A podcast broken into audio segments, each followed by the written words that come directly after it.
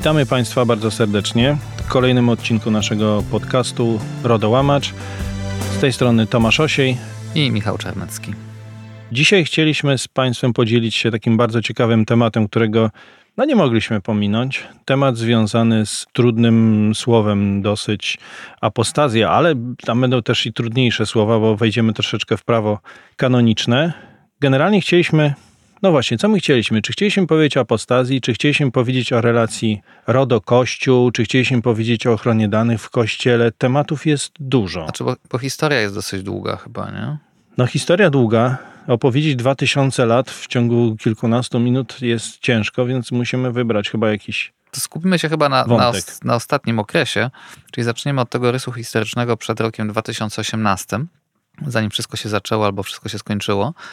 To znaczy w tym czasie, jak również wcześniej, do, w owym czasie. W owym czasie do poszczególnych parafii spływały wnioski o wystąpienie z Kościoła katolickiego, albo często prościej formułowane o usunięcie wszystkich danych osobowych, jakie Kościół na temat danej osoby gromadzi. No i oczywiście kościoły odsyłały do oficjalnej procedury apostazji, a niezadowoleni parafianie pisali skargi do wtedy Generalnego Inspektora Ochrony Danych Osobowych który to inspektor takich skarg nie uwzględniał. Sprawy kończyły się w sądach administracyjnych, które z początku trochę wahały się, czy w ogóle generalny inspektor ma, czy nie ma uprawnienia do rozpatrywania tych spraw. W końcu wykrystalizowała się taka linia orzecznicza, że jednak pierwszeństwo tutaj ma procedura kościelna i takie wnioski o usunięcie danych osobowych są bezprzedmiotowe. Zastanawiam się, czy nie powinniśmy wyjaśnić znaczenia słowa apostazja bo tak przerzucamy się terminami, które mogą być niezrozumiałe. Generalnie chodzi o. Tak, nie jest to afrykański gryzoń. Nie, nie jest to nazwa też geograficzna, jakaś skomplikowana. W sumie można by powiedzieć, że chodzi o decyzję o wystąpieniu z kościoła. Mhm. I nie wchodząc w rzeczy takie bardziej filozoficzne, chociaż ty jako z wykształcenia też filozof mógłbyś tutaj nas troszkę oświecić tej kwestii, ale pytanie, czy z kościoła można wystąpić, bo to jest chyba pytanie zasadnicze związane z tym, o czym chcemy mówić, a troszeczkę na kanwie wyroku Naczelnego Sądu Administracyjnego, który został ostatnio opisany, to znaczy, czy z kościoła można wystąpić.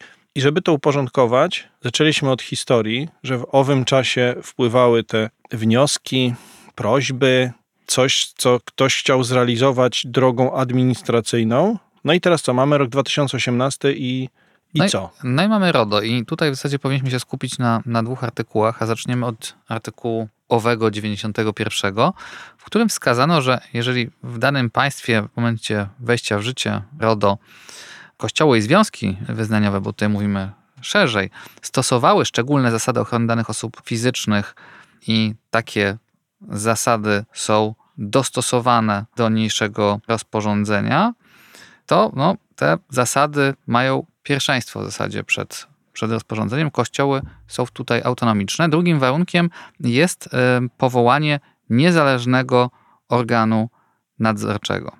Czyli mamy artykuł 91 i mamy rzeczywiście powołanego, to jest ksiądz profesor Kroczek, kościelny inspektor ochrony danych osobowych.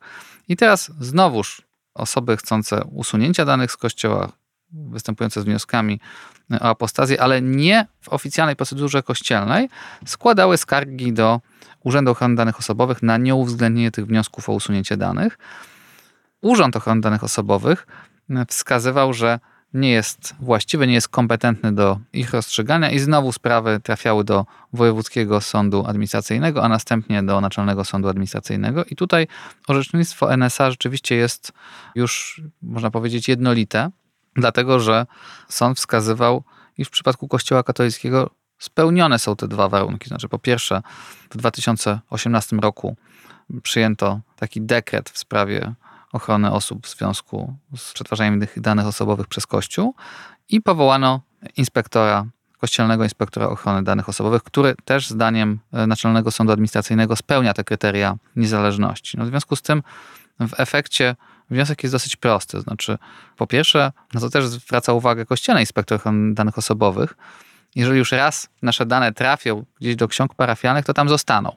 To znaczy, sakramenty są raz na całe życie i mimo nawet przejścia efektywnie tej procedury apostazji, czyli uczynienia wzmianki w księgach parafialnych, że występujemy z kościoła, no to te informacje tam pozostają. co ważne, w artykule 9 e, ustępie drugim RODO, który mówi właśnie o przetwarzaniu danych osobowych szczególnej kategorii, czyli tutaj dotyczących wyznania, wskazano, że kościoły i związki wyznaniowe mają uprawnienie do przetwarzania takich informacji nawet o byłych swoich członkach.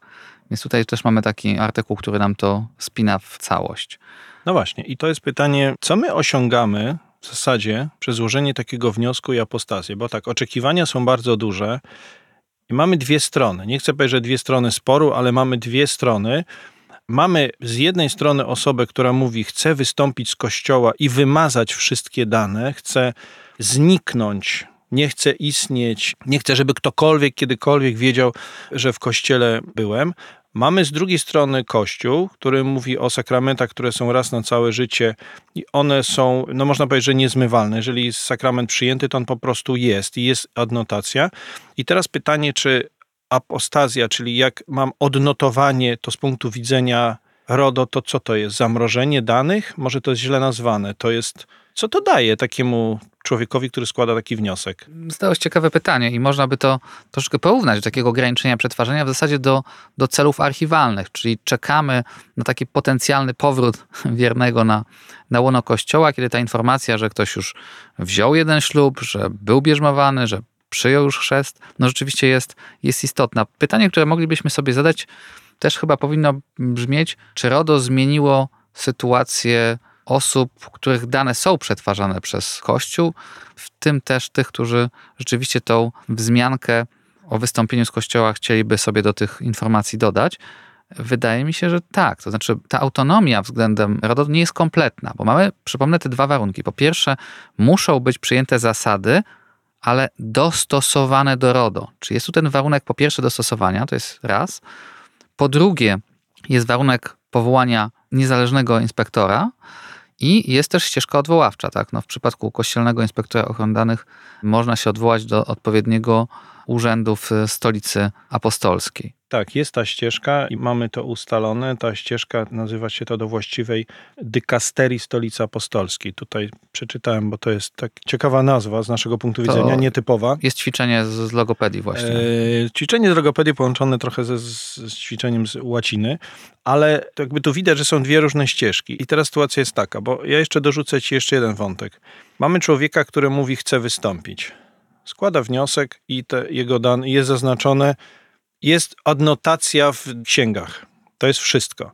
Z drugiej strony, nie wiemy, czy na przykład za lat 5, 10, 20 czy 50 ktoś nie będzie poszukiwał informacji, tak jak teraz poszukujemy w księgach parafialnych, które często są jedynym źródłem informacji.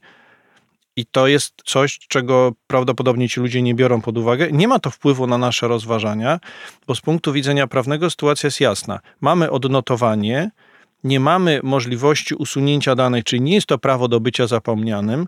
Mamy odrębną ścieżkę ustaloną na podstawie artykułu 91 i w zasadzie to jest wszystko, tak? I mamy ustaloną taką linię orzeczniczą, z której wynika, że urząd nie jest właściwy, koniec, kropka. Coś jeszcze możemy ustalić? Patrząc z punktu widzenia praktycznego, to sytuacja też osób, które chciałyby dokonać takiego aktu apostazji się polepszyła przez lata. Nie przez to, że, że właśnie dostali jakąś tutaj dodatkową ochronę prawną, bo to nie nastąpiło, chociaż dodajmy, że mają teraz ścieżkę odwoławczą. Znaczy, jeżeli na przykład chcieliby wystąpić z takim aktem, no i proboszcz danej parafii robiłby problem, no to jest ścieżka odwoławcza, tutaj można się wypłakać na ramieniu Kościelnego Inspektora Ochrony Danych Osobowych. Natomiast przez lata tego sporu trzeba przyznać, że istotnie zmieniła się, uprościła się e, procedura samej apostazji. Kiedyś to był dosyć sformalizowany i też logistycznie bardziej skomplikowany proces. Pamiętam, że chyba trzeba było się udać do parafii chrztu. No teraz takich ograniczeń już nie ma. Jest to łatwiejsze, szybsze, prostsze dla zdeterminowanych. Czyli podsumowując, spróbujmy powiedzieć o plusach tej sytuacji, takich plusach z punktu widzenia osoby, która występuje. Po pierwsze, wie, że jedyną właściwą ścieżką jest ta ścieżka kościelna i prawo kanoniczne. Więc nie musi się zastanawiać, nie musi składać skarg do urzędu, ponieważ urząd jest niewłaściwy. Tak przynajmniej wynika z linii orzeczniczej. Mhm. Druga kwestia. RODO zaostrzyło wymogi, jeżeli chodzi o ochronę tych danych, które tam pozostają. Czyli moje dane pozostają w księgach parafialnych, ale Kościół musi mieć odpowiednie zasady ich ochrony, czyli adekwatnie też do celu, w którym są przechowywane. I w związku z tym teoretycznie powinniśmy się czuć nieco bezpieczniej. Czyli to jest takie zasięgnięcie z RODO w kwestii bezpieczeństwa, ale pozostawienie, jeśli chodzi o ścieżkę samego wystąpienia i pozostawienia danych, prawa kanonicznego. To jest druga rzecz. I trzecia, musi mieć taką świadomość, i tego nie, nie przeskoczymy, że te dane, tam pozostaje informacja o sakramentach. Kościół to tłumaczy tym, że w każdej chwili można powrócić na łono Kościoła i te informacje tam są. I w zasadzie nie możemy z tym nic zrobić i nie powinniśmy nawet próbować, bo ta ścieżka jest ustalona. Tak, no jest to mm, jako przykład możemy podać, że prawda, osoby, które miałyby dzisiaj ślub kościelny, moglibyły skutecznie złożyć wniosek o usunięcie danych i dwa dni później pójść do sąsiedniej parafii i spróbować wziąć kolejny ślub kościelny, ponieważ tych danych by już tam nie było. Czyli jednolitość jednak jakaś. Jakieś jest, korzyści są. Jest tak, jest zachowana. Ja na koniec jeszcze, bo bardzo ciekawe dane statystyczne, muszę je przytoczyć. Są bardzo ciekawe. Rok 2021. Kościelny Inspektor Ochrony Danych Osobowych w liczbach 28 skarg, 12 zgłoszeń o naruszeniach i 7 postępowań prowadzonych przez Kościelnego Inspektora Ochrony Danych pokazuje taka, skalę. I taka tendencja się w zasadzie utrzymuje, jeżeli chodzi o liczbę w kolejnych latach. To w takim razie temat Kościoła zakończymy. Tam jeszcze mnie kusiło, żeby powiedzieć trochę o tym, że to jest temat szerszy, związany chociażby z y, danymi na cmentarzach, ale to, to bardziej zahaczamy o tematy absurdów RODO, który pomijamy, ale może kiedyś przyjdzie czas, że też o tym to powiemy. bliżej listopada. Tak, bliżej listopada.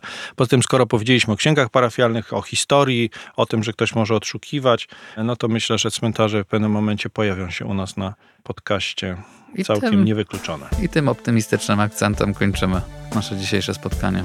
Dziękujemy bardzo i do usłyszenia. Życzymy jak zawsze spokojnego przetwarzania.